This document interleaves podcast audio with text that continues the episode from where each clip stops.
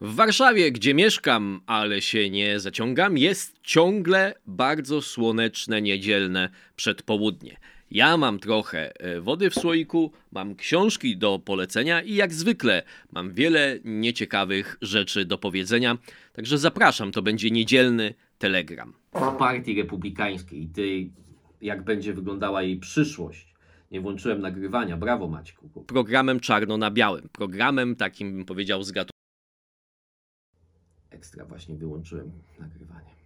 Okej, okay, witajcie po raz kolejny na tym kanale. W tej formule wymyśliłem tysiące formuł dla tego kanału. Niektóre się utrzymały, niektóre się nie utrzymały, ale generalnie wydaje mi się, że formuły, w których generalnie ja pozwalam sobie gadać bez ograniczeń, mają największe szanse na sukces u szefostwa tego kanału czyli u mnie.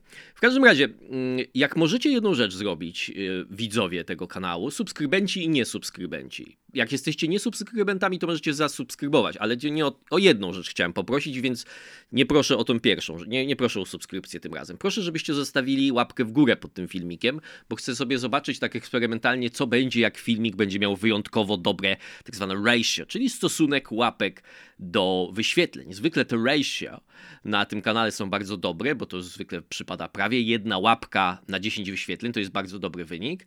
Jak przychodzą nowi widzowie i są takie legendarne filmy, które ma tak 60 tysięcy wyświetleń. Jeden był taki film, umówmy się, Maćku, nie rozgrzewaj się za bardzo. No to ten jeden film miał trochę gorsze ratio, ale to jest chyba naturalne zjawisko, bo ludziom po prostu jest polecany film, ci ludzie to klikają, myślą, myślą że tam coś będzie, jakieś momenty, a tam facet siedzi za swoją szafą i gada do mikrofonu. Dzisiaj trzy tematy plus polecanie książek. Pierwszy temat to będzie ta konfrontacja, dosyć ciekawa, Patryka Jakiego z TVN-a. Nie wiem, co się dzieje ze mną dzisiaj naciskam, albo nie naciskam przycisków, albo naciskam je wtedy, kiedy w ogóle nie należy ich przyciskać. Więc to będzie pierwsza część w każdym razie. Patryk Jaki i TVN. Druga część będzie trochę o Rosji, trochę o Takerze, trochę o Nawalnym, przy czym o Nawalnym to nie za dużo powiem, bo znaczy powiem coś tam, ale no nie jestem ekspertem ani od Nawalnego, który mi się nigdy nie wydawał jakąś postacią godną uwagi, mówiąc szczerze ani nie jestem ekspertem od Rosji. Natomiast w kwestii tego, jak to jest traktowane jako pewien mit założycielski jakiegoś mitu Rosji przyszłości, co jest mówiąc szczerze dla mnie trochę niepokojące, no to, to, to, to, to, kilka słów o tym powiem. Przy okazji kilka słów o Takerze Carsonie, którego filmiki naprawdę powinny zrobić jeszcze większą karierę niż zrobiły, a zrobiły i tak już bardzo dużą karierę. Ostatnia część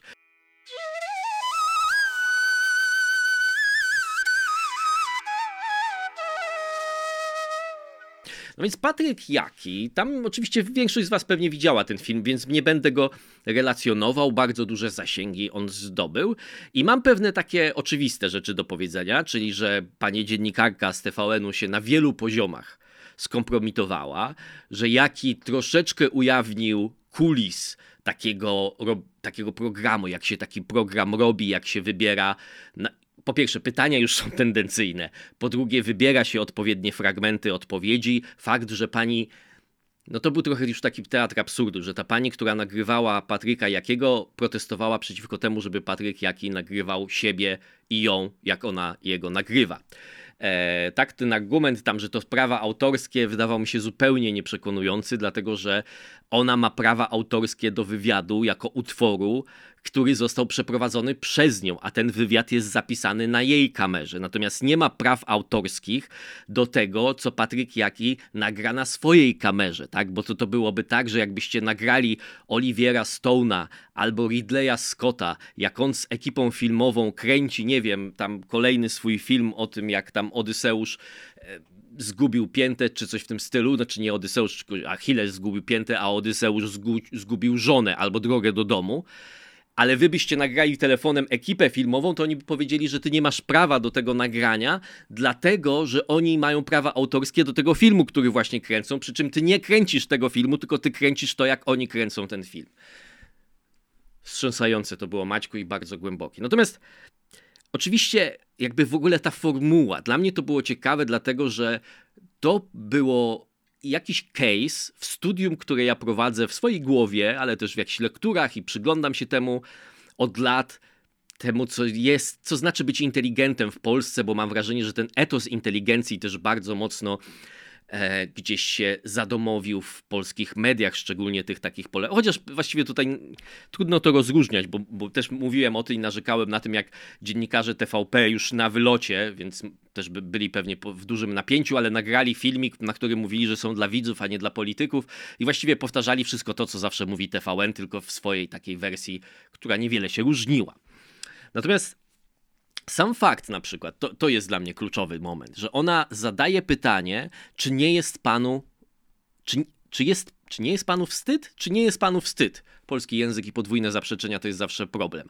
Czy nie jest panu wstyd za ten spot? Bo pamiętajmy, że sytuacja chodzi o to, że Jaki i kilku innych europosłów PiSu polubili czy podali dalej spot antymigracyjny z wyborów samorządowych PiSu. Umówmy się, ten spot był nie do końca smaczny. Tak? Zresztą E, tak dla uczciwości należy powiedzieć, że ona w programie swoim pokazała coś, czego z kolei nie pokazał Patryk Jaki. Jak ona mu zadaje pytanie o, tam była taka scena, że ktoś popycha kogoś w przejściu takim podziemnym w kolejce, no i fakt czekerzy sprawdzili, że to nie był żaden migrant z Sahelu ani skądinąd, tylko to był Bułgar, chyba w Niemczech, więc no obywatel Unii Europejskiej. A takie osoby mają pełne prawo do poruszania się e, i w tym sensie. Natomiast Zostawiając to z boku, sam fakt, że się komuś zadaje pierwsze pytanie, takie już bardzo mocno nacechowane aksjologią manichejską, tak? czyli takim, jak pan mógł rozmawiać z tym, gdzie pan był, jak zidentyfikowaliśmy tę osobę i tak dalej, i tak dalej. Ale jeszcze bardziej fascynujące jest to, że jak e, ona mówi, jak panu nie wstyd, a on odpowiada trochę bardzo sprawnie trzeba to powiedzieć. Mnie to trochę tak znaczy zirytowało. Nie, nie zirytowało, ale tak jakby przejrzałem przez to. Może nie mam racji, ale trochę Patryk Jaki w całym tym wywiadzie moim zdaniem próbuje naśladować metodę, bardzo dobrą metodę, mówiąc szczerze, tego polityka kanadyjskiego, którego tam pyta dziennikarz różne rzeczy, dlaczego jesteś populistą, a on je jabłko jednocześnie i zadaje takie rozbrajające pytania temu dziennikarzowi. Mówi, ale co, co to znaczy według ciebie, że jestem populistą? A on, ja nigdy tego nie... Ale co, co masz na myśli, mówiąc, że, że... Ale to jest ciekawe, bo jakby, czyli innymi słowy, ten sposób uprawiania mediów to jest projekcja własnego emocjonalnego odbioru czegoś na cały świat, a potem zadawanie pytań, czy ten świat raczyłby się do naszego e, emocjonalnego odbioru tego dostosować. No ale szczególnie ciekawe jest to, jak Patryk Jaki pyta, a za co mi powinno być wstyd? W sprawę tego, e, tego postu, tego, tego spotu, a ona odpowiada, proszę pana, ale nie będziemy tutaj, proszę, bo co to jest jakieś pomieszanie z poplątaniem, ja będę panu zadawała pytania, a pan ma na nie odpowiadać, prawda? E, no i okej, okay, można powiedzieć, że trochę tak jest, że jakby ktoś przyszedł na przykład na wywiad z urzędnikiem, pytać go o CPK, a ten urzędnik by pytał na przykład o osobiste życie dziennikarki, albo nawet nie osobiste, pytałby, a wasza stacja to co robi, i tak dalej, i tak dalej, to byłaby to jedna i to politycy zresztą robią to cały czas. Tak? I w tym sensie zrozumiałe jest dla mnie, że dziennikarce może się to nie podobać. Tylko, że nie w przypadku takiego pytania, bo wyobraźmy sytuację sobie odwrotną tak? Co gdyby ktoś by wziął tego pana, co płacze co drugi dzień w TVP, co zaprosił Barta Staszewskiego do studia i Maję Heban jako aktywistów LGBT+, przeprosił ich na antenie i teraz jego by ktoś wziął, posadził w, w, reportażu, nie wiem, jakiejś telewizji prawicowej, załóżmy telewizji Republika i powiedział do niego, czy panu nie jest wstyd ze względu na całą tę sytuację no to absurda, absurdalne byłoby oczekiwanie, że on nie zapytałby osoby zadającej mu to pytanie, a czego mamy bić wstyd w tym? Ja tego nie, rozum nie rozumiem w ogóle pytania, tak? Jakby kogoś zapytali, że pojechał i się spotkał z papieżem, czy panu nie jest wstyd, tak? Ja nie mówię, żeby było jasność. Porównanie nie służy temu, żeby powiedzieć, że zamieszczenie na mediach społecznościowych to jest to samo, co zachowanie pana Szyzlonga, czego on tam się nazywa, i nie jest to to samo, co pojechanie na spotkanie z papieżem, obojętnie czy z Franciszkiem, czy z wcześniejszymi papieżami. Tak?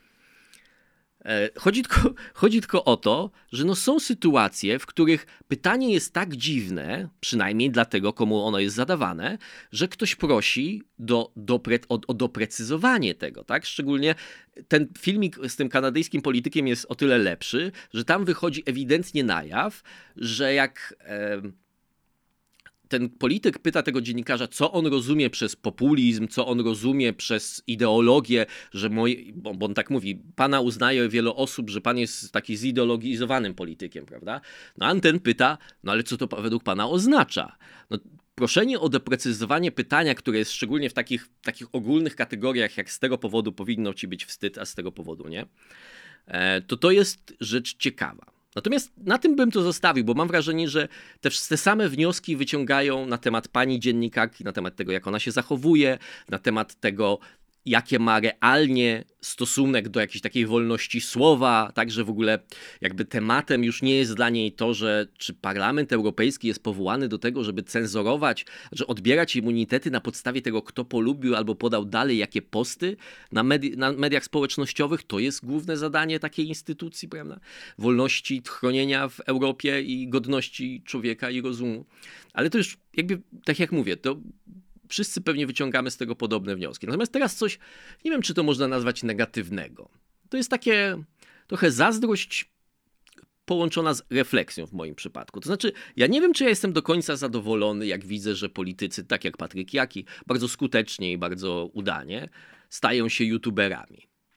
Znaczy, jakby to powiedzieć, jak Donald Trump był w pewnym, no wcześniej oczywiście był Barack Obama, jeszcze w, przecież on miał te słynne, tam była wyspa Obamy w Second Life, która już nie istnieje i tam wszyscy e, mieli tam rozmawiać o przyszłości Ameryki, a tak naprawdę siedzieli w takim autobusie i zażywali narkotyki, wirtualne oczywiście, więc nikomu się krzywda nie stała i tak dalej. Natomiast jakby idea była taka, że polityk ma ważne rzeczy do zakomunikowania i szczególnie w przypadku Trumpa ten argument był używany, no i czasem on może nawiązać dzięki mediom społecznościowym bezpośrednio ze swoimi wyborcami kontakt i nie musi prosić żadnej dziennikarki, żeby jeszcze, nie tylko żeby z nim zrobiła wywiad, ale żeby jeszcze była łaskawa z tego wywiadu wybrać te słowa, które dla niego są ważne.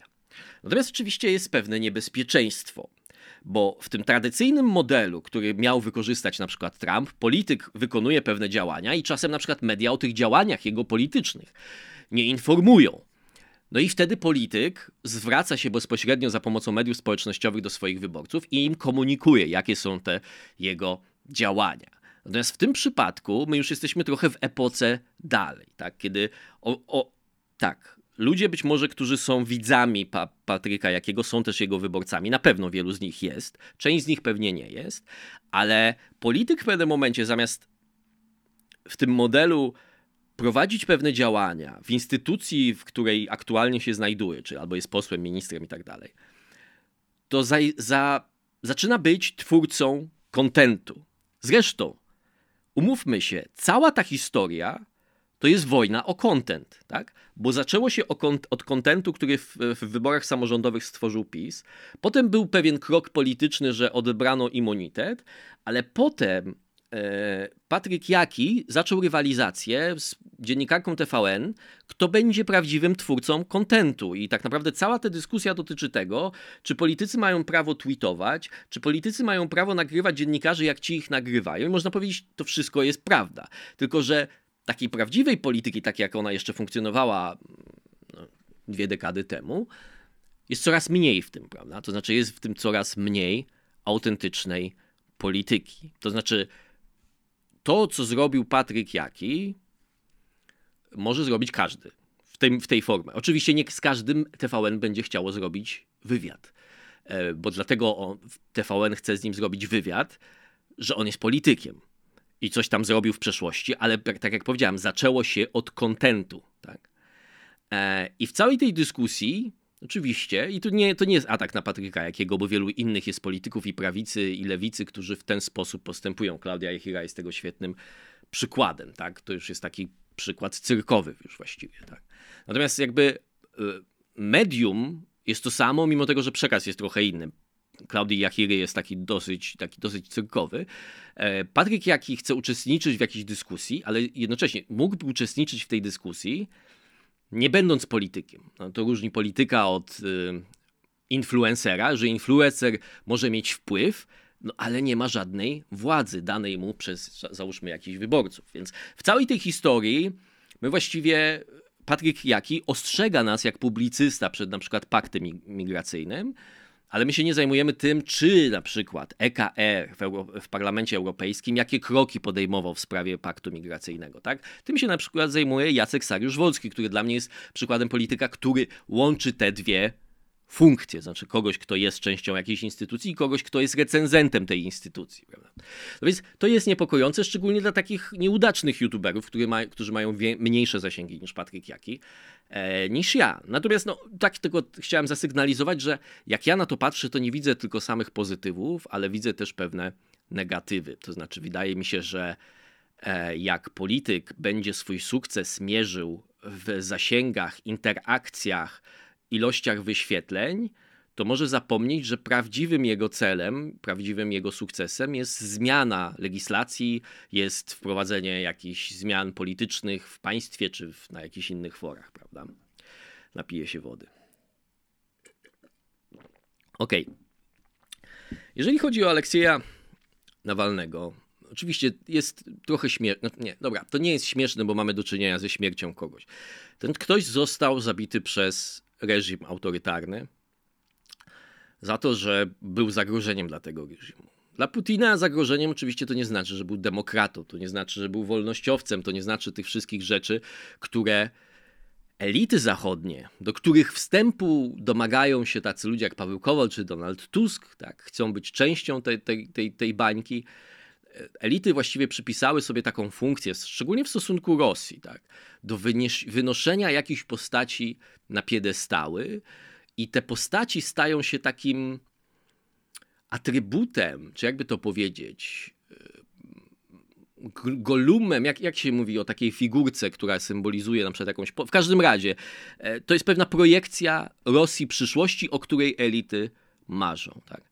To problem z, tej, z tym podejściem jest taki, że zasadniczo, no to umówmy się, elity się wielokrotnie, częściej, dużo częściej, szczególnie jeżeli chodzi o Rosję, myliły co do tego, kto jest szansą na liberalizację Rosji, kto jest tym mądrym Rosjaninem, kto jest prozachodnim Rosjaninem.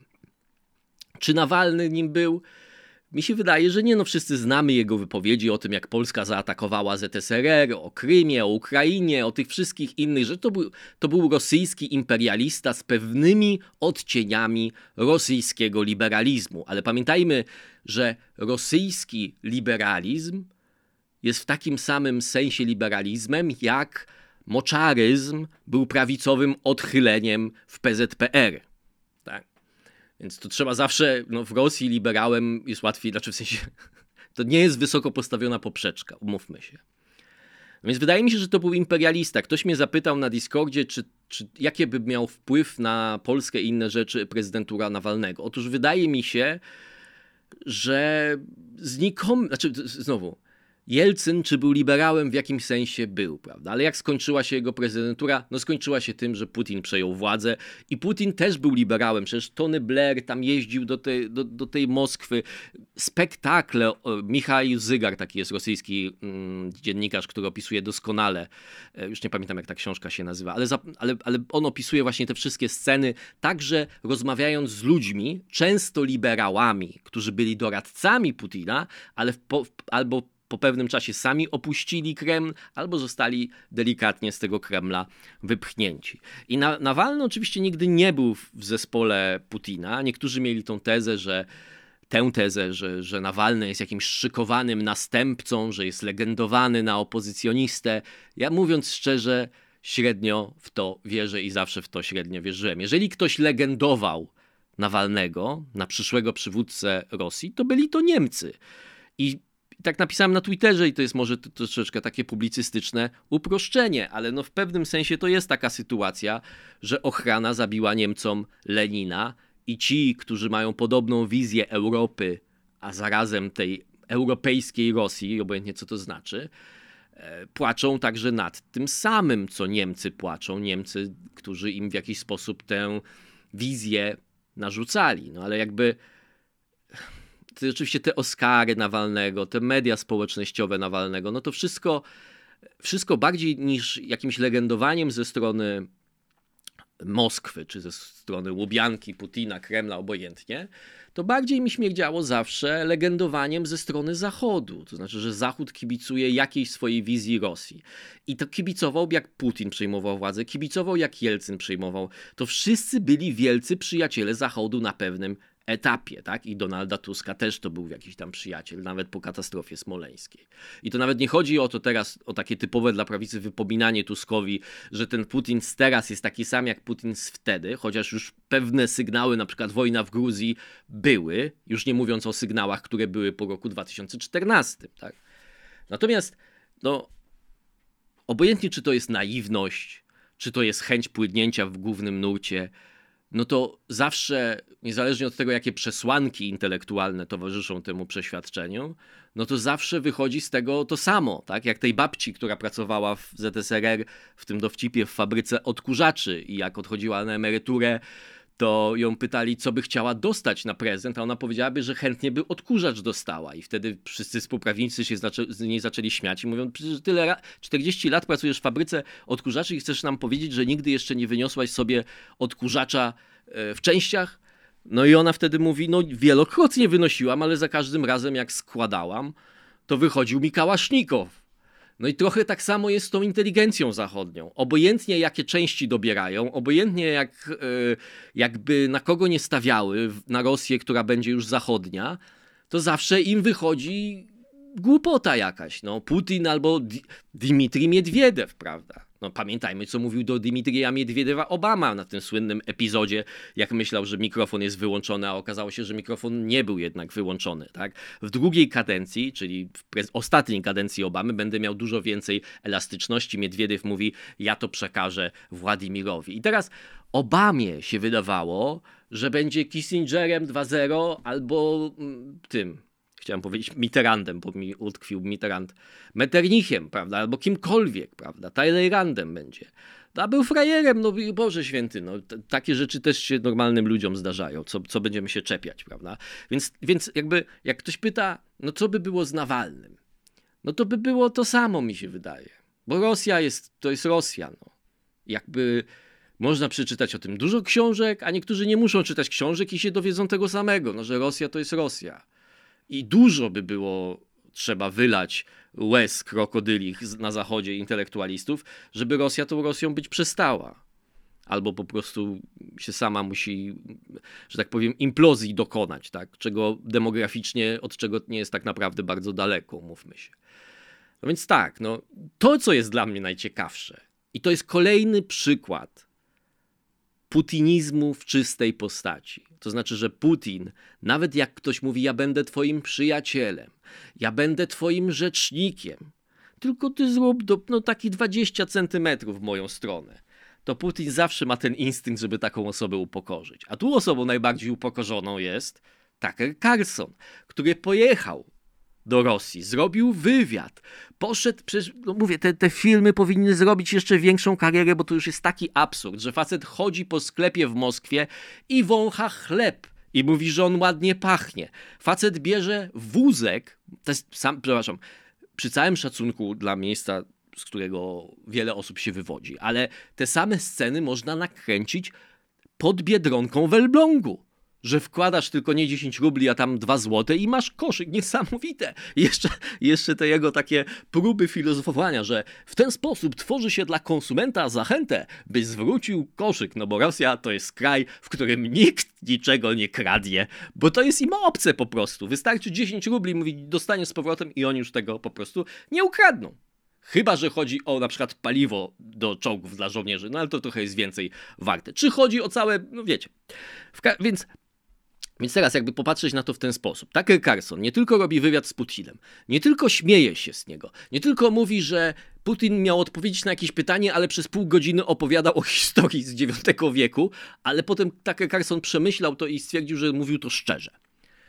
Więc on robi te wszystkie ukłony w stronę Putina, że Rosja nie jest taka straszna. W swojej głowie pewnie, odgrywając, mówię o Tuckerze Carlsonie, że on odgrywa niezwykle ważną rolę dziejową i przekona amerykańskich inteligentów po prawej stronie, że to przyszedł czas na dogadanie się z Putinem, bo to nie jest taki wariat, nie? A, ta, a Tucker Carlson w tym samym momencie, to nawet na timeline na Twitterze moim było widać, wyszła, e, Aleksiej Nawalny wyszedł na spacer i niestety do tej pory nie, po, znaczy powrócił, ale niestety już do świata e, nieżywych, nie? I, I trzy tweety pod spodem mamy Takera Carsona, który chodzi, przepraszam, to jest tak śmieszne, i wącha chleb, nie? i wącha chleb. Ja już nawet nie jakby podejrzewam, że większości moich, zdecydowanej większości moich odbiorców nie trzeba w ogóle tego tłumaczyć, że no, dla Waltera Durantego, dla Shaw'a, dla nawet tego Langstona Hughesa, chociaż to był taki czarny z Harlemu poeta, który też pojechał do e, Rosji. Do, akurat on pojechał na Ukrainę w niedobrym momencie, więc troszeczkę zobaczył. No ale Shaw nie widział przecież głodu na Ukrainie w czasie, kiedy tam był. E, Duranty nie widział, nie oglądał gułagów, prawda? Oni tych wszystkich rzeczy nie widzieli. Jakby zakładanie, że nawet w północnej Korei nie zrobią dla wi wizytującego jednego czystego dworca i jednego sklepu, w którym wszystko. Znaczy, ja nawet myślę, że w sklepach w Moskwie wszystko jest. Co więcej, jest tam taniej, bo to był następny argument tego naszego geniusza, e, Tagara Carsona e, że tam jest taniej niż w Stanach Zjednoczonych. Oczywiście, no jakby wyświetlił na średnie zarobki e, w Stanach Zjednoczonych e, i średnie zarobki nawet w, tej, w tych niższych klasach w Rosji, no to, to by tak nie do końca wyszło, że to wszystko jest takie tanie w tej, w tej Rosji. No ale tam jest rzeczywiście taniej. Więc to w jakiś sposób, moim zdaniem, to nie był przypadek zupełnie. Bo jednak pamiętajmy, Putin nie udzielał wywiadów e, Zachodowi bardzo, bardzo, bardzo długo. Tak? E, to się praktycznie nie zdarzało. Udzielił wywiadu, więc, więc to nie było tak, że to był dzień jak co dzień dla administracji na Kremlu.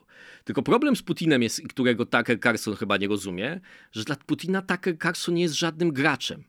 Zresztą nawet pisał o tym autor Gazety Polskiej Antoni Rybczyński, że część, na przykład Kowalczukowie, to jest taki, mm, jak to się mówi, klan, można powiedzieć, przyjaciół zresztą Putina, ale kanały takie telegramowe, tak, ja to tak zrozumiałem, tylko czytałem w tekście, ja się tym nie zajmuję, więc, więc mogę coś przekręcić, ale wydaje mi się, że informacja jest taka, że te kanały ich telegramowe były zawiedzione tym, że Putin nie powiedział więcej rzeczy, które by były pochlebne w jakiś sposób dla prawicy amerykańskiej. No bo wiadomo, przecież jak ktoś śledzi tą e, alt-rightową scenę, obojętnie jak ją nazywać dzisiaj, to wszyscy oczekiwali, że tam będzie coś o biolabach na Ukrainie, że będą jakieś kwity na Huntera Bidena, a a Putin wyszedł i mówi, ale mnie co innego interesuje. W IX wieku, nie, tam jechał Ruryk, no i, te, i, i, posłuchaj, to mnie interesuje, nie wy, wy mnie w ogóle nie interesujecie. I to jest ciekawe, dla Putina Tucker Carlson oczywiście jest mu przyjazny i tam coś tam się mm, o nim dowiedział, ale w istocie dużo ważniejsza jest ta, yy, dużo ważniejsze niż różnicowanie mediów na Zachodzie, czy mediów amerykańskich, dla Putina jest, że to wszystko jest część Zachodu. Tak? Więc udzielił wywiadu przedstawicielowi Zachodu, a jednocześnie zaciukał idola Zachodu, który dostawał tam te Oscary czy cokolwiek, tak? Który, który miał być dla nich misją. No i dla mnie to jest sygnał ewidentny, ale przede wszystkim upokorzenie Takera Carsona, no, który szczególnie, no mówię, jeszcze ten wywiad y, swoim zwolennikom mógłby sprzedawać, że to jest zwykłe dziennikarstwo, Putin jest, nie musimy go popierać, ale warto go posłuchać, bo coś tam, coś tam. I ja się z tym zgadzam, tak? Tylko, że oczywiście tam była wielka hipokryzja w tym, bo już o tym zresztą mówiłem, więc nie, nie warto do tego wracać. Natomiast no już te zachwyty nad wózkami sklepowymi i wąchanie chleba, no to, to, to, to już no niewiele zostało Niewiele zostało z reprezentanta e, amerykańskiego ludu, jedynego prawdziwego amerykańskiego głosu w mediach, tak jak Carson lubi się przedstawiać.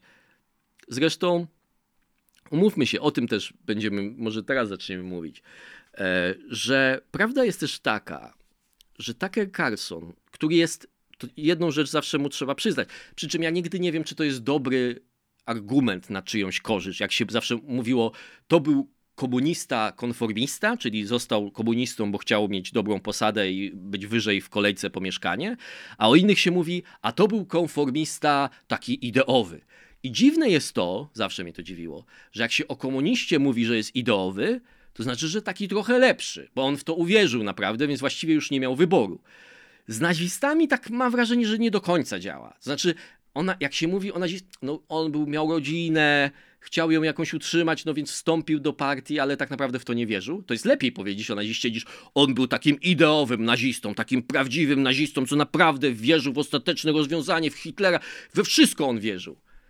to taka jest ciekawostka, nie? że taka jest asymetria w ocenie tego, kiedy ideowość jest dobra, a kiedy bezideowość jest dobra. Więc, ale w przypadku Carsona można powiedzieć, że on jest ideowym izolacjonistą. Natomiast dobrze sobie zadać takie pytanie, czy republikanie dzisiaj są tak naprawdę ideowymi izolacjonistami. Bo moim zdaniem programem czarno na białym, bardzo programem radykalnych zmian, i one, to też ciekawe jest, te zmiany nie nastąpiły przez dziesięciolecia. Za chwilę to zobaczymy, bo chciałem wam też jeden tutaj schemat pokazać, czy, czy, czy wykres. E, te, te zmiany nastąpiły przez kilka lat, a tak naprawdę te zmiany nastąpiły w trakcie prezydentury Joe Bidena. E, I to jest ten problem z mierzeniem na przykład zaangażowania poszczególnych grup wyborców w zaangażowanie zagraniczne Stanów Zjednoczonych. Bo często te pytania o zaangażowanie zagraniczne ludzie traktują moim zdaniem jako poparcie dla określonej polityki. To znaczy, tak jak mówiłem, e, proukraińskość demokratów w dużej mierze była funkcją antytrampizmu. Tak? E, Biden jest przyjacielem Ukrainy, Trump jest przyjacielem Putina, Putin atakuje Ukrainę, my bronimy Ukrainy, bo jesteśmy za Bidenem. Natomiast wydaje się, że to jakby to ja uważam, że te zmiany już miały miejsce, ale też te zmiany wynikają z tego, że ludzie nie mają też, nie postrzegają Stanów Zjednoczonych jako takiej potęgi, jakie po, postrzegali w przeszłości. Zbliża się na przykład e, Chicago Institute, jest taki, z których badań tutaj będziemy korzystać. I oni pokazują, że Amerykanie coraz zbliża się, jak prosi się e, odbiorcy czy respondenta o to, żeby ocenił potęgę danego państwa w skali od 1 do 10, to Chiny bardzo się zbliżają w oczach Amerykanów do Ameryki. Tak? Czyli Amerykanie jakby, jak, szczególnie jeżeli widzą kryzys wewnętrzny, no to są mniej chętni do tego, e, żeby mówić, czy żeby być zwolennikami e, tego, żeby, żeby Ameryka bardzo mocno angażowała się na świecie. Natomiast to często jest, tak jak mówię, to jest funkcja partyjnych rozgrywek, bo w pewnym określonym momencie, konkretnie po 7 października i mocnym wsparciem przez Bidena, przez Amerykę, Izraela przeciwko no, Hamasowi, czyli w oczach niektórych radykalnych lewi, lewaków, sprawie palestyńskiej, jeżeli Hamas jest jej reprezentantem, to nagle się okazało, że demokraci wyprzedzili republikanów w częstszym odpowiadaniu na, czy Ameryka powinna odgrywać aktywną rolę na świecie. E,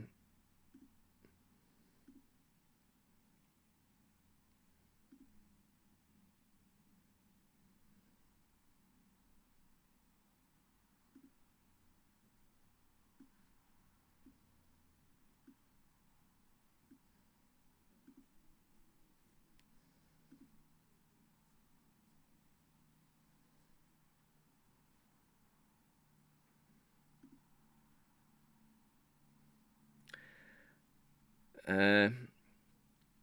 Okej, okay. jesteśmy na stronie Chicago Council of Global Affairs. Oni robią, ich badania są o tyle ciekawe, bo wyniki te, też tych badań się bardzo różnią. Natomiast ich badania są o tyle ciekawe, że one są przeprowadzane na dużym, od 1974 roku, czyli mamy dłuższą, dłuższą perspektywę. I teraz pierwsza rzecz, na którą sobie spojrzymy, na tym e, Do you think it will be best for the future of the country, czyli dla przyszłości Ameryki byłoby najlepszym, jeżeli będziemy odgrywać aktywną rolę w sprawach świata, in world affairs, lub jeśli e, wycofamy się, tak, czy, czy nie będziemy się w to mieszali. I teraz, co to jest ciekawe, to można zauważyć, że to nie jest tak, że od 2018 roku, gdzie widać ten spadek, mamy spadek u demokratów, u republikanów zdecydowany, e, ale wszyscy inni coraz bardziej wierzą w aktywną rolę Stanów Zjednoczonych. Wyjątkiem są demokraci, którzy w 2021 roku to i tak był spadek od roku 2020, bo to wtedy 78%, co też moim zdaniem jest wytłumaczalne faktem, że Biden wygrał wybory na koniec tego roku, albo może nie, nie wiem w sumie.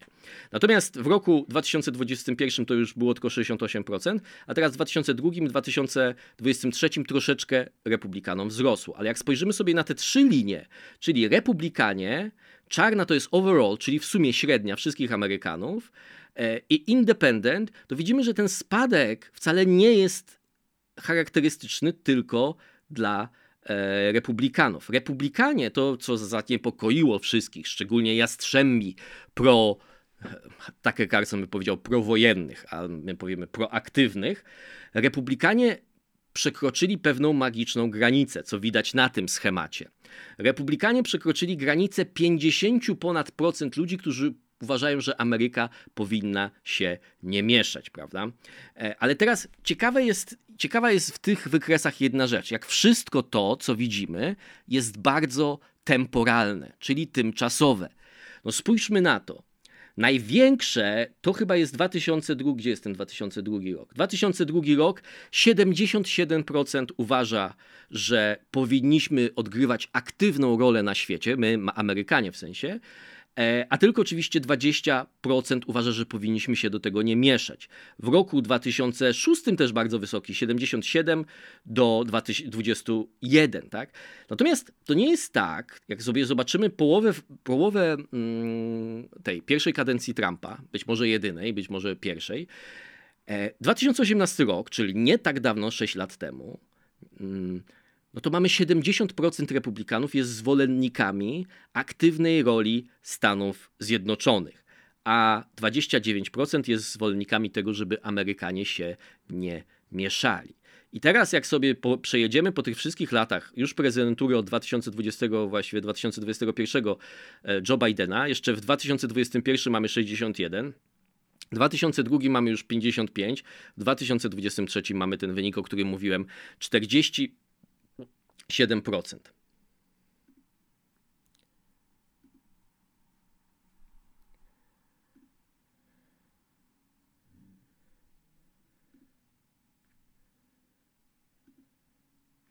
No i oczywiście teraz są dwa wytłumaczenia tego. Pierwsze wytłumaczenie jest takie, że ciężko jest republikańskim wyborcom oddzielić na przykład wojnę na Ukrainie i zaangażowanie Stanów Zjednoczonych w Europie od faktu, że Joe Biden jest prezydentem. Trump, moim zdaniem, jakby wzbroił Ukrainę, to nie jest tak, że tam są jacyś ideowi izolacjoniści, którzy powiedzieli: nie rób tego, nie rób. Tak? Po prostu łatwiej w, w pewnym obrazie świata, łatwiej jest im przedstawić sobie Bidena jako część tego układu, i tutaj trzeba oczywiście dołożyć całą tą szkołę realistyczną, że Zachód był naiwny, myślał, że jest koniec historii, bla, bla, bla, bla. I wtedy Biden jest jakby idealnym kozłem ofiarnym dla, umówmy się, nikt nie jest zadowolony z tego, jak ta wojna się toczy. Nikt nie jest zadowolony w ogóle z tego, że jest wojna. Nikt nie jest zadowolony z tego, że Ameryka musi wydawać olbrzymie pieniądze. Tak. Można pewne zyski dla Amerykanów tutaj wysnuwać i one są. Tylko oczywiście pytanie, czy one się sprzedają w debacie publicznej. Więc pierwsza teza byłaby taka, że to jest coś tymczasowego. Druga teza by była taka, że to nie jest coś tymczasowego, tylko my ob obserwujemy radykalny spadek wśród republikanów, bo następuje też zmiana tożsamości partii republikańskiej. Aktywna postawa, tak, która szczytowo swoją formę i niezbyt mądrą, to trzeba przyznać, osiągnęła w neokonserwatyzmie, który dzisiaj wiązany jest jednak z porażkami albo przynajmniej z ugrzeźnięciem w czymś bardzo trudnym do rozwiązania, czyli z wojnami w Afganistanie i w Iraku natomiast to zawsze było kojarzone z republikanami. Tak? E, szefowi Heritage Foundation New York Times robił z nim wywiad e, i Heritage Foundation to jest projekt, który ma tradycję, w przeciwieństwie na przykład do tego innego think tanka typowo trumpistowskiego America First Institute. Natomiast oni zmienili, widząc także być może zmiany wśród polityków, ale też zmiany wśród wyborców. Oni zmienili swoje podejście i na przykład y, ten Kevin Roberts, który ma ciekawe wypowiedzi, drugie mniej ciekawe, albo ciekawe, ale ja się z nimi nie zgadzam. I on mówi, i pytanie mu zadano, czemu odeszliście od zasady Ronalda Reagana peace through strength, czyli pokój poprzez siłę, czyli pokój poprzez odstraszanie. Jak chcesz pokoju, to szykuj się do wojny. Stara mądrość, prawda? No i on tam tłumaczy, że nie, że właściwie to nie o to chodzi, im się nie podoba, jak są wydawane te pieniądze. Wiecie, to jest trochę jak z CPK. Jak ktoś nie chce powiedzieć, że nie będzie CPK, no to może powiedzieć, że było pisowskie Bizancjum, nie? I to on jest przeciwko temu. No to tak samo republikanie, którzy nie są jeszcze tak skrajni jak Major Taylor Green i inni i nie mówią, że na Ukrainie są bialaby i tam Ukraińcy to wszystko kradną w istocie, a nie tylko część, e, i tak dalej, to oni wtedy mówią, no nie, my się bardziej martwimy o to, jak te rzeczy są rozliczane i drugi argument, nie ma exit strategy, czyli nie ma strategii, w której Ameryka by określiła, co jest jej celem w całej tej wojnie. I to, jak ludzie to mówią, to ja też tego trochę nie rozumiem, bo jak ludzie to mówią, to się wydaje, odbiorcom często, że ta osoba, co to mówi, to, to myśli tak, że kurde, to jest taki realista, co to powiedział, że tak, trzeba mieć cel i trzeba o nim głośno mówić, jaki jest nasz cel w tej wojnie. I jakby automatyzm przyjmowania tego założenia mnie, autentycznie mnie dziwi, tak? Bo po pierwsze, Joe Biden przyjął takie założenie, w sensie powiedział, Amerykanie tam nie wejdą, tego na pewno nie zrobimy, to możecie, tego nie możecie e, i obronimy każdą pięć NATO, ale Ukrainy nie obronimy. I Ukraina nie dostanie tego i tam, tak, tak, nie chcemy uniknąć przede wszystkim eskalacji. Bardzo jasno określił swoje cele Joe Biden. Oczywiście to nie są cele czasowe, albo my zrobimy to, kiedy stanie się to, ale stworzył parametry dla Putina, w których moim zdaniem Putin czuł się dosyć bezpiecznie. To znaczy, że najgroźniejsze się nie wydarzy, nie będzie wojny Rosji z NATO, której on nie chciał w tym, w tym wariancie. Więc jakby, ale jakby ten przykład Bidena pokazuje, że jasne określenie swoich intencji przeciwnikowi, no też ma jakąś negatywną wartość, tak? To znaczy, jakbyśmy powiedzieli Rosji, że my się poddamy, jak zburzycie 5 z 6, nie wiem ile jest mostów w Warszawie właściwie. Załóżmy, że jest 5, a wy zburzycie 4, to my się wtedy poddamy no to można z dużym prawdopodobieństwem zakładać, że mosty staną się celami, prawda? Jeżeli, e, jeżeli się powie, że Ameryka przestanie wspierać Ukrainę, jeżeli Rosja osiągnie określoną granicę, na przykład terytorialną, albo że Ameryka uzna za zwycięstwo jakiś tam stan, no to tak samo to też wpłynie na kalkulację Rosji. Więc nie ogłaszanie takich rzeczy dla mnie jest pewną wręcz oczywistością, Choć oczywiście w gronach ekspertów dyskusja, co jest celem w tej wojnie, kiedy koszty przewyższają zyski, te dyskusje muszą się odbywać. Natomiast to jest inna sprawa. No i pytanie, wracając do tego rozważania, czy przyczyną tego spadku poparcia dla zaangażowania w Stanach Zjednoczonych to jest krótkotrwałe krótkotrwały spadek poparcia z racji tego, że Joe Biden jest prezydentem, a republikanom się to nie podoba? Czy to jest długotrwały spadek zaufania do Stanów Zjednoczonych i zwycięstwo w istocie podejścia Takera Carlsona? Otóż do pewnego stopnia może to zachodzić, natomiast wydaje mi się, że głos tych izolacjonistów prawicowych, tych izolacjonisto-realistów, tych, którzy jakby odrzucili w pewnym sensie tą idealizm pewien, dobrze rozumiany, przynajmniej według mnie, amerykański, tak? że odpowiedzialność za wojnę ponosi Putin i takich ludzi trzeba powstrzymywać. E, połączyli ten izolacjonizm z takim realizmem, bo na przykład coraz popularniejsza wśród e, republikanów, przepraszam, jest też odpowiedź, że to NATO ponosi odpowiedzialność za to, że wybuchła wojna na Ukrainie. Co jak wiadomo jest. No.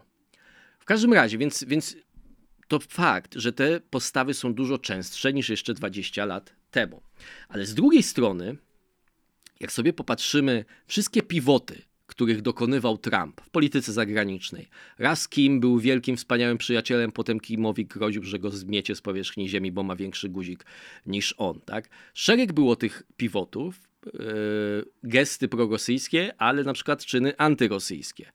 E, aktywne działania też często na Bliskim Wschodzie, prawda? Więc jakby wydaje mi się, że Trump wierzy w to, że on będzie miał i tak wolną rękę w tym, co będzie robił w polityce zagranicznej. I będzie równie dobrze mógł to tłumaczyć e, swoją wiarą w izolacjonizm, jak i inną. I wydaje mi się niestety, e, i to może być obraźliwe dla kogoś, ale no akurat wy nie jesteście, nie należycie do tej grupy, którą w tej chwili będę obrażał, że no prawda jest taka, że ci wyborcy są gotowi nawet przyjąć to. Tam nie było, ani razu nie było takiej sytuacji, że Trump powiedział, to jest zdrajca, a wszyscy wyborcy powiedzieli, albo część wyborców przynajmniej powiedziała, nie, nie, no jednak on się zasłużył. Było mnóstwo ludzi, którzy zostało zdrajcami, którzy naprawdę na to nie zasługiwali z punktu widzenia konserwatystów.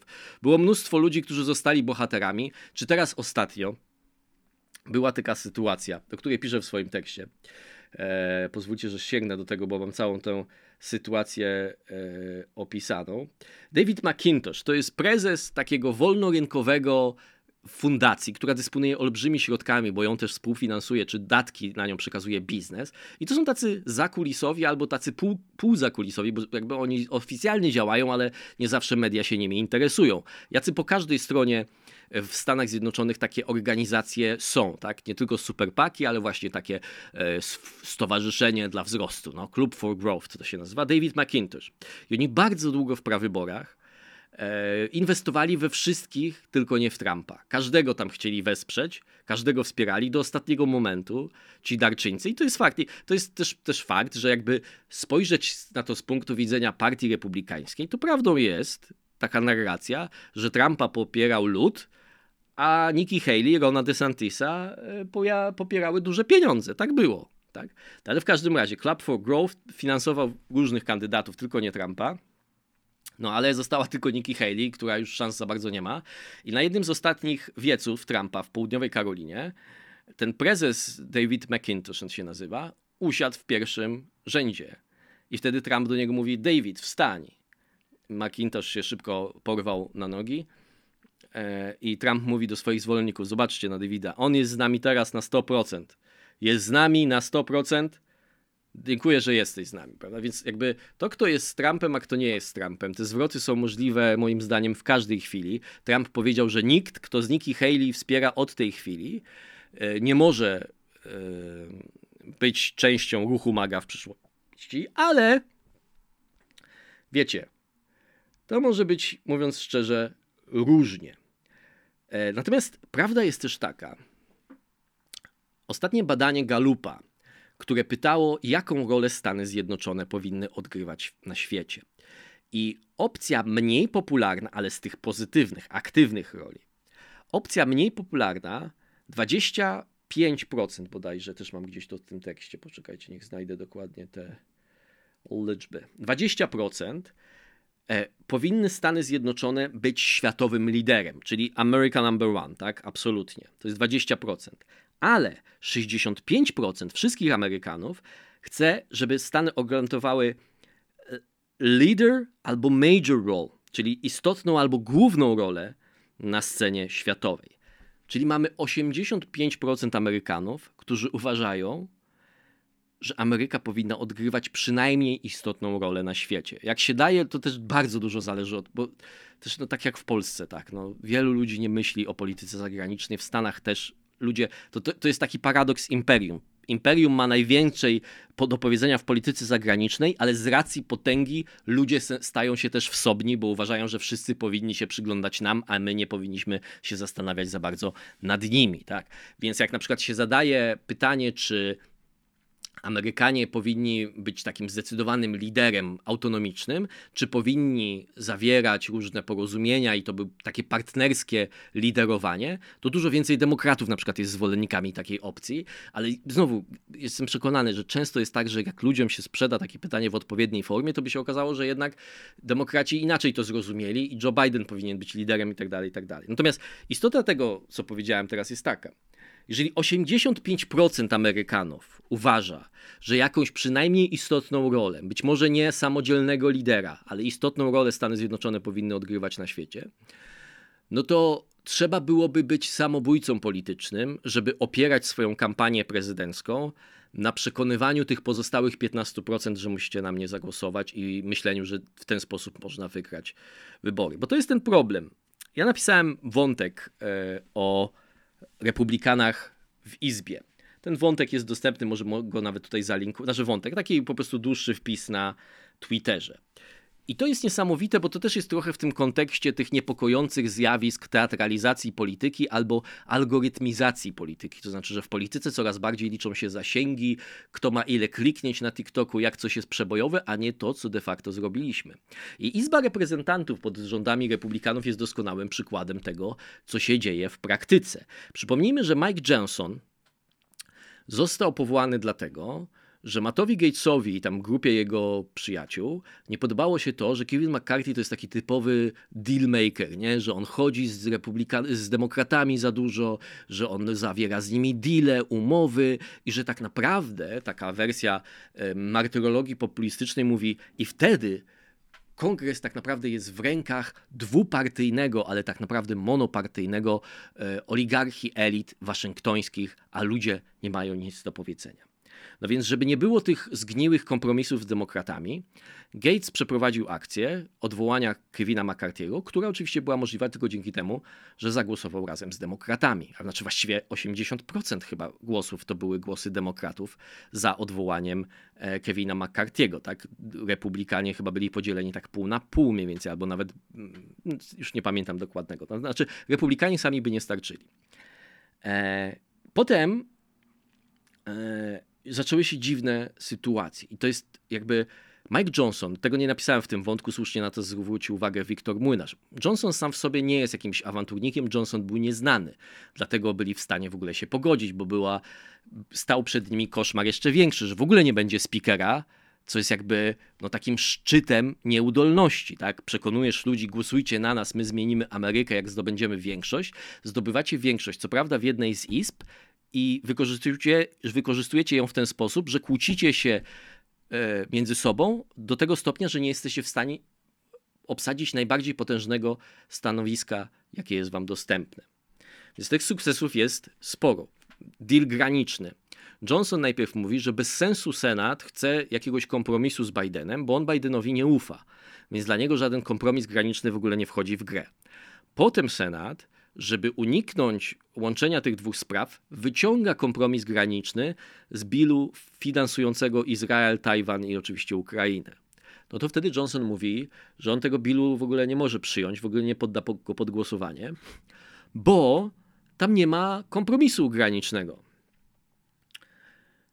Ale to jest nawet mniejszy problem, bo jakby te sukcesy, tych sukcesów jest jeszcze więcej.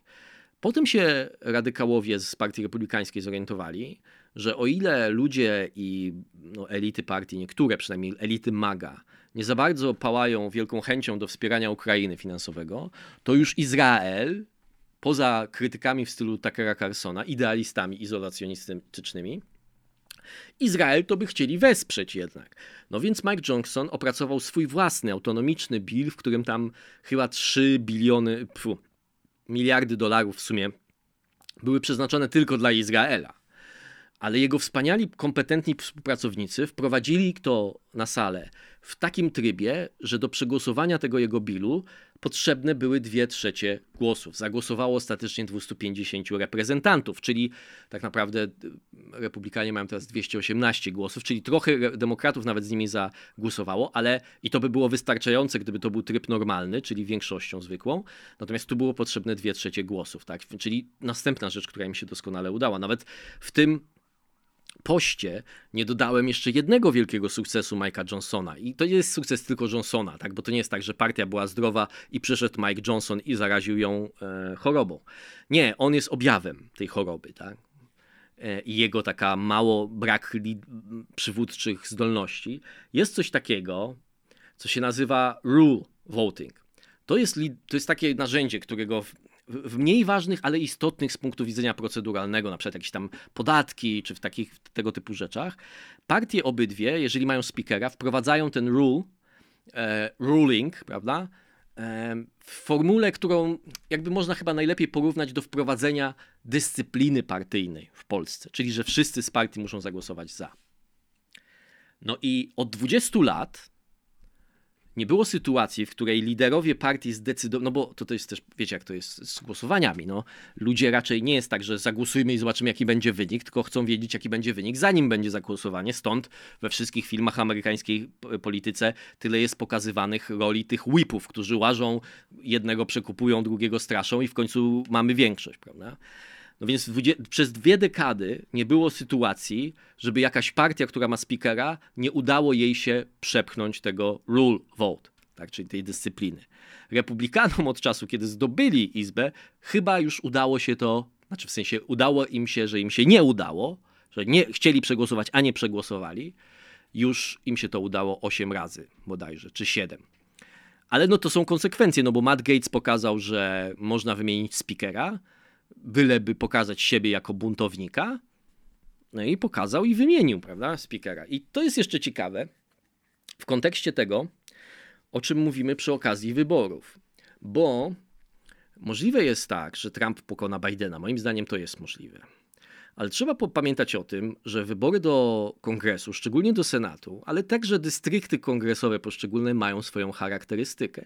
Już wybory śródterminowe pokazały, że albo na mm, tych e, forach ogólnostanowych, czyli na przykład wybory senatorów, ale też przede wszystkim wybory gubernatorów poszczególnych stanów, Kerry Lake z Arizony tutaj jest świetnym przykładem, lojaliści Trumpa wypadli dużo gorzej niż sondaże, znaczy innymi słowy, w takim eksperymencie, że dano, dawano wyborcom w sondażu możliwość wybrania Kerry Lake na przykład, albo tak zwanego generic Republican, Czyli innymi słowy, tak jakby ktoś przyszedł do was do domu, czy zagłosowałbyś na Rafała Trzaskowskiego w wyborach do Warszawy, czy na kandydata PiSu, ale nie mówią ci, kim jest kandydat PiSu.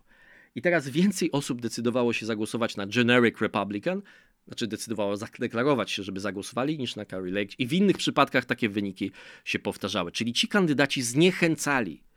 E, I pamiętajmy, że w tych śródterminowych wyborach zapowiadano czerwoną falę, że Biden będzie w ogromnych e, tarapatach i republikanie formalnie, tak jak PiS, można powiedzieć, wygrali te wybory, w tym sensie no, mają większość w Izbie, więc trochę bardziej nawet wygrali, no ale nie zdobyli kontroli nad Senatem, a, a większość mają tak kruchą, no, że często ona robi się bez sensu, znaczy w sensie nieefektywna w działaniu. Tak? Ale znowu to jest ten problem, od którego trochę zaczęliśmy. I teraz, jak napisałem ten wątek, krytykując na przykład Mata Gatesa, dużo osób napisało, czy to jest porównanie do Dominika Tarczyńskiego, który zdaje się został, e, jakąś funkcję kierowniczą dostał w EKR-ze. W jakimś sensie jest, ale to każdy w samych y, musi sam rozsądzić. Ja oceniam tych amerykańskich polityków, ale wydaje mi się, że podobne algorytmy logiką działania e, polityków, tych tak zwanych przecinaków osobowości i charakterniaków. E, czyli, że no czasem celem jest właśnie w strefie starcia fragment, który można będzie dobrze wyciąć na półtorej minuty i on stanie się wiralem.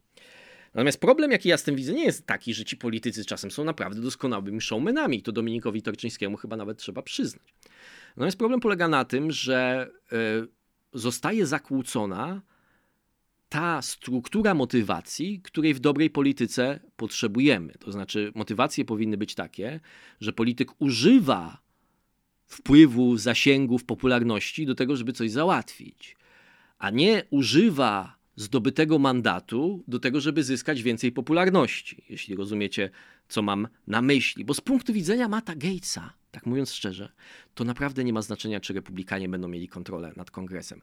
Ja bym powiedział, że dla niego nawet lepiej jak demokraci, bo to są ludzie, którzy są lepsi w antypolityce. Czyli spójrzcie na te elity, które nami rządzą. Gdybym ja rządził, to by wszystko było, benzyna byłaby po 5,19. No i potem ma jakąś tam część przynajmniej władzy w swoich rękach i się okazuje, że trochę jest w niej zagubiony. Tak? Że robi rzeczy, które może jemu przysparzają popularności wśród radykałów, którzy na niego głosują, bo Matt Gates ma tę zaletę, czy ma tak jak AOC na przykład, czyli Alexandria Ocasio-Cortez, startuje z okręgu wyborczego czy dystryktu, gdzie i tak republikanin zawsze zostanie wybrany, ale jest mnóstwo takich dystryktów, gdzie te wyniki są bliższe, gdzie na przykład może wygrać republikanin bardziej centrowy, gdzie na przykład jak George Santos, który potem wpadł w problemy z rozliczaniem finansów i wiele innych takich niezbyt ciekawych rzeczy, ale to był republikanin, który wygrał dystrykt w Nowym Jorku, a między innymi dlatego, że był zadeklarowanym gejem. W każdym razie chodzi o to, że ktoś może powiedzieć, to świadczy o zepsuciu głębokim e, Partii Republikańskiej, ale z drugiej strony sztuka jest sztuka. I teraz Republikanie przegrali miejsce, które musiał dyscyplinarnie opuścić George Santos. E, I Mike Johnson wyszedł i powiedział, że to jest w istocie zwycięstwo, bo wrobili demokratów wydanie ogromnych pieniędzy na kampanię. No i fajnie. I na tym i, i, i, na, zakończyłbym na takim krótkim tekście. Donald Trump w 2016 roku, jeszcze w czasie kampanii, mówił, że jak ja zostanę prezydentem, to wy będziecie tacy dumni z Ameryki. We will be winning like never before, że będzie tyle wygrywania. No i jak opisał e, komentator NRO, czyli National Review Online, takiego konserwatywnego periodyka i, i strony, którą też polecam, napisał, że czasem e, jak się patrzy na Ameryka Johnsona, to człowiek ma już dosyć tego całego wygrywania. Bo pamiętajmy, że też hasłem głównym tych wszystkich populistów jest to, że potrzebujemy polityków, którzy chcą walczyć, bo my potrzebujemy zwycięstw, a nie ustępstw. I, i nie ustępują, znaczy w sensie zagłosowali razem z demokratami, ale potem już nie ma ustępstw i potem kongres już nie działa. I to tak jak napisałem w tym wątku, problem polega na tym, że jeżeli celem miało być zwrócenie kongresu ludowi, to lud otrzymał kongres, który jest dysfunkcyjny. Czyli de facto lud jest reprezentowany na TikToku.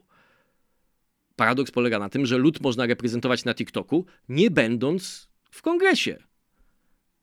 Przykład, który podałem, Witolda Gatowskiego, kojarzonego z polską prawicą. Ktoś się mnie czepiał, że to nie znowu nie prawica, ale naprawdę ja już wszystkich waszych żali nie jestem w stanie rozstrzygnąć.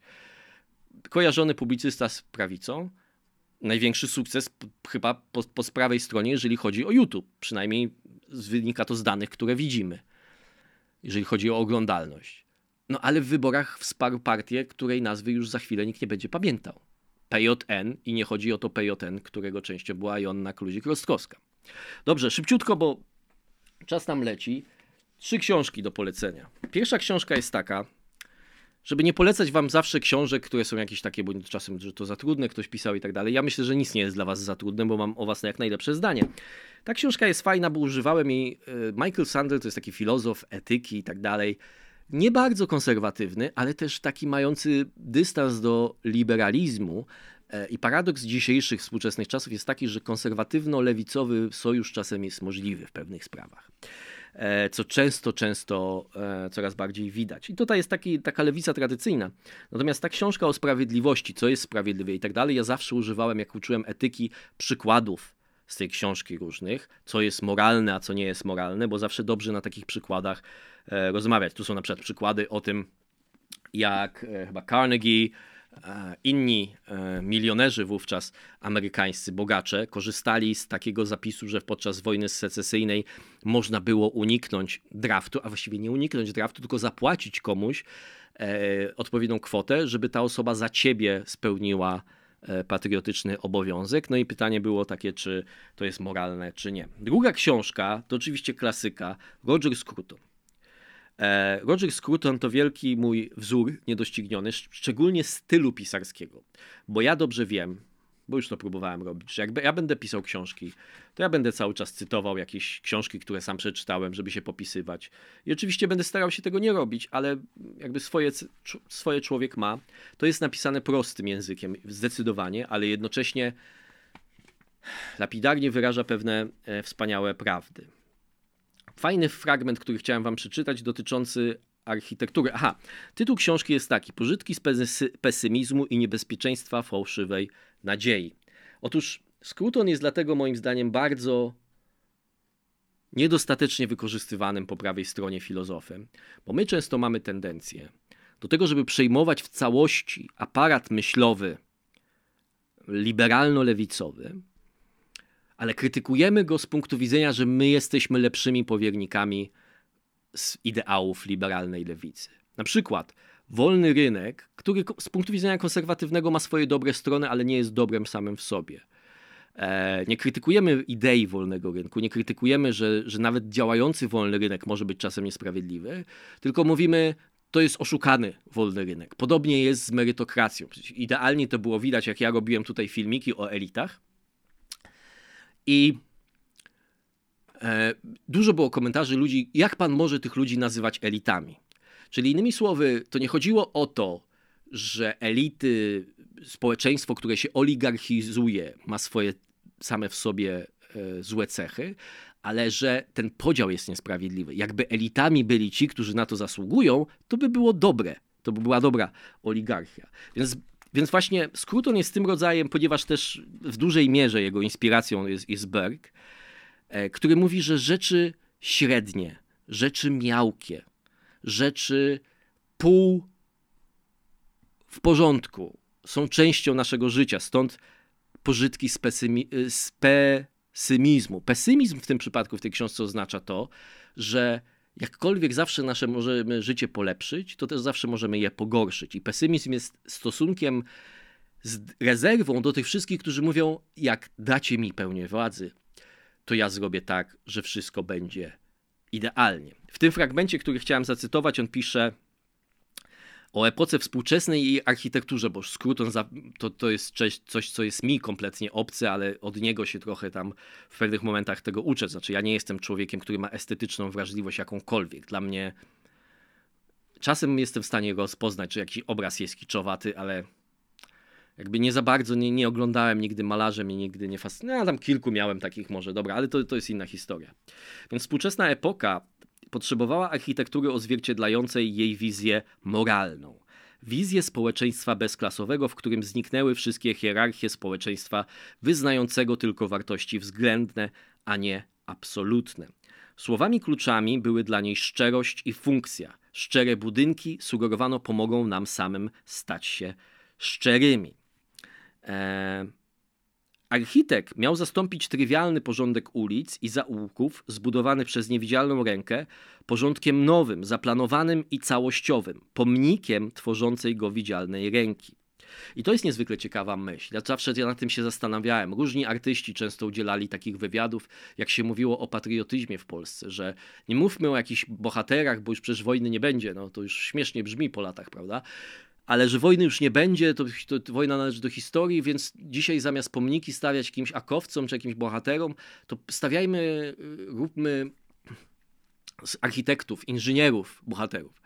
I sama myśl nie jest taka moim zdaniem sama w sobie głupia, ale jak się za, za człowiek, i o tym pisze też Scruton, że w istocie pomnik dla inżyniera to nie jest pomnik dla kogoś, kto się poświęcił dla innych i zbudował dla swego miasta tam coś. Tam bo przecież tak, tak czasem bywa.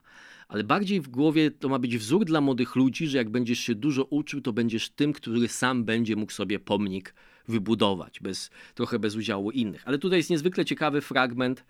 E, on mówi, taka wizja architekta pojawia się już w budowniczym Sol, Solnesie Ibsena, a upowszechniła ją powieściopisarka i filozof Ayn Rand w swojej frapującej książce Atlas zbuntowany. E, modernistyczne miasto zaczynało jako miasto bez pomników, by tam samo stać się pomnikiem, pomnikiem swego architekta. Natomiast Ayn Rand jest tutaj niezwykle ciekawa, bo to właśnie w kontekście rozważań o utopiach, libertaria, libertarianizm w swojej skrajnej formie. Tak? Ayn Rand w Atlasie zbuntowanym jest to słynne słowo Nikt niczemu, nikt nikomu nie jest nic winien. I ciekawe jest to, ja zawsze o tym mówiłem, że libertarianizm, czyli y, skrajne umetawizycznienie wolności jednostki y, i komunizm, czyli skrajne umetafizycznienie wyzwolonej klasy robotniczej, mają z sobą wiele wspólnego bo zawsze one odrzucają rzeczywistość taka, jaką ona jest. Znaczy, jak rozmawiasz z komunistą, to e, on ci powie, no tak, e, klasa robotnicza dzisiaj jest ten, ale gdyby był komunizm, to klasa robotnicza miałaby dobrze. Gdyby wprowadzić prawdziwy komunizm. A jak rozmawiasz z takim skrajnym e, kucem, no to on ci powie, no tak, ale gdyby była wolność, to wtedy ludzie by postępowali tak i tak i tak. I ostatecznie fascynująca jest książka Ayn Rand, chociaż moim zdaniem to jest grafomaństwo i ja to przeczytałem bardziej jako studium niż jako dobrą literaturę. Atlas zbuntowany, ale tam warto zwrócić uwagę, co tam się dzieje. To znaczy, w kluczowym momencie, jak ci wszyscy, bo tam chodzi o to, że jednostki, które tak naprawdę przynoszą dobrodziejstwo, czyli wybitne jednostki, fabrykanci, bankowcy i tak dalej, w pewnym momencie znikają, prawda? E, ze społeczeństwa i społeczeństwo wpada w kryzys, oczywiście, bo wybitne jednostki już nim nie zarządzają, ale i tak to nie wystarczyło. Jeszcze trzeba było stworzyć coś, co świetnie yy, można by było nazwać, wymyśloną przeze mnie nazwę, olimpijską wioską elit. Tam te wszystkie w jakiejś takiej dolince, nawet w filmie, który zrobili Atlas Shrugged, Amerykanie, to zostało tak idylicznie pokazane i tam żyją tylko elity. I tam już nikt nikomu nie jest jeden. Na małą skalę już pracują, ale przynajmniej to jest takie sprawiedliwe. Więc, więc Anne Rand pomyślała o utopii.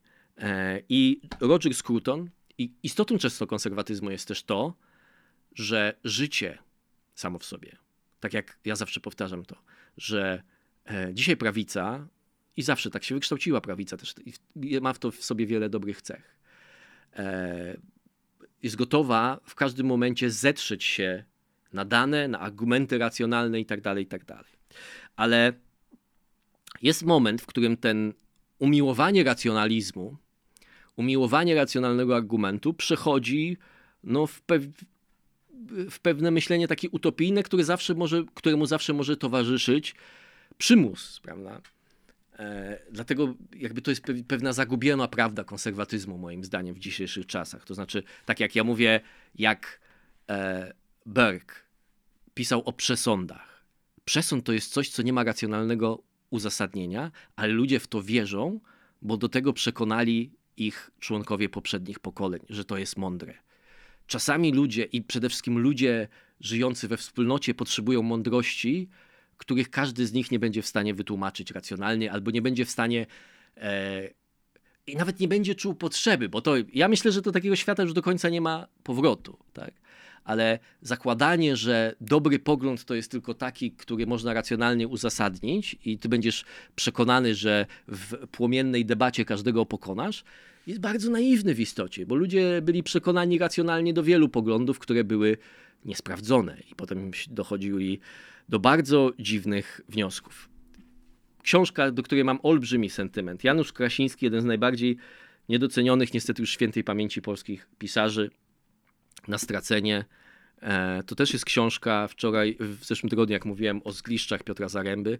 To jest książka, która ma wątki autobiograficzne, chociaż autor zawsze mówił, że autobiograficzna nie jest. Młody chłopak wraca ze stref okupacyjnych w Niemczech po wojnie i od razu trafia w ręce UB tak naprawdę. Trafia do więzienia. W tym więzieniu opisane są fantastycznie, bo takim językiem, który jednocześnie nie jest taki romantyczno-martyrologiczny, a jednocześnie opisuje to w sposób taki bardzo prosty i, i, i taki, który no bardzo, bardzo tę książkę polecam. To w ogóle jest książka, jedna z czterech książek w serii takiej autobiograficznej, ale to jest pierwszy tom tej serii i ten tom wam bardzo serdecznie polecam, bo jeżeli kogoś to interesuje, e, a, a to jest jeden ze sposobów, w jakim my możemy tkwić trochę jeszcze w życiu tych, którzy stworzyli no, w jakimś sensie nas i naszą rzeczywistość, prawda? Czytać e, to jest to, co, bo już coraz częściej, coraz rzadziej z takimi ludźmi mamy szansę rozmawiać, a, a no, pisarze mają to do siebie, że też potrafią więcej rzeczy w takim półpamiętniku, półpowieści, bym powiedział, przekazać. Jest to rzecz niezwykle wartościowa. Każdy powinien, znaczy nie każdy powinien, każdy powinien robić to, co uważa, ale ta książka jest naprawdę niezwykle wartościowa i bardzo ją Wam polecam. Dobrze, przekroczyliśmy godzinę. Nie było jakoś dzisiaj tak szczególnie, bym powiedział, swobodnie. Czułem, że mam coś w gardle. E, ale czasami tak jest, więc nie masz co się tym przejmować. Przypominam, o dołączaniu na Discord. Ja wiem, że tam linki coś tam nie działają. Ja, ja, ja, się na tym nie znam, moi drodzy. Jak wejdziecie na Discord i poszukacie serwera szafa, jest takie zdjęcie z takimi półkami w szafie z książkami, czy z pół, półek z książkami, tu powinniście bez problemu ten serwer znaleźć, tam będzie pan Korzuszek, jest moje zdjęcie takie, więc po prostu przyjmijcie zaproszenie do tego serwera, myślę, że nie powinniście mieć problemu, żeby to znaleźć. Ja jakiś tam link pod tym filmem też umieszczę, ale nic nie mogę obiecać, że to będzie działało, albo że to będzie sensowne, albo, albo że to się wszystkim spodoba. Dobrze, do zobaczenia.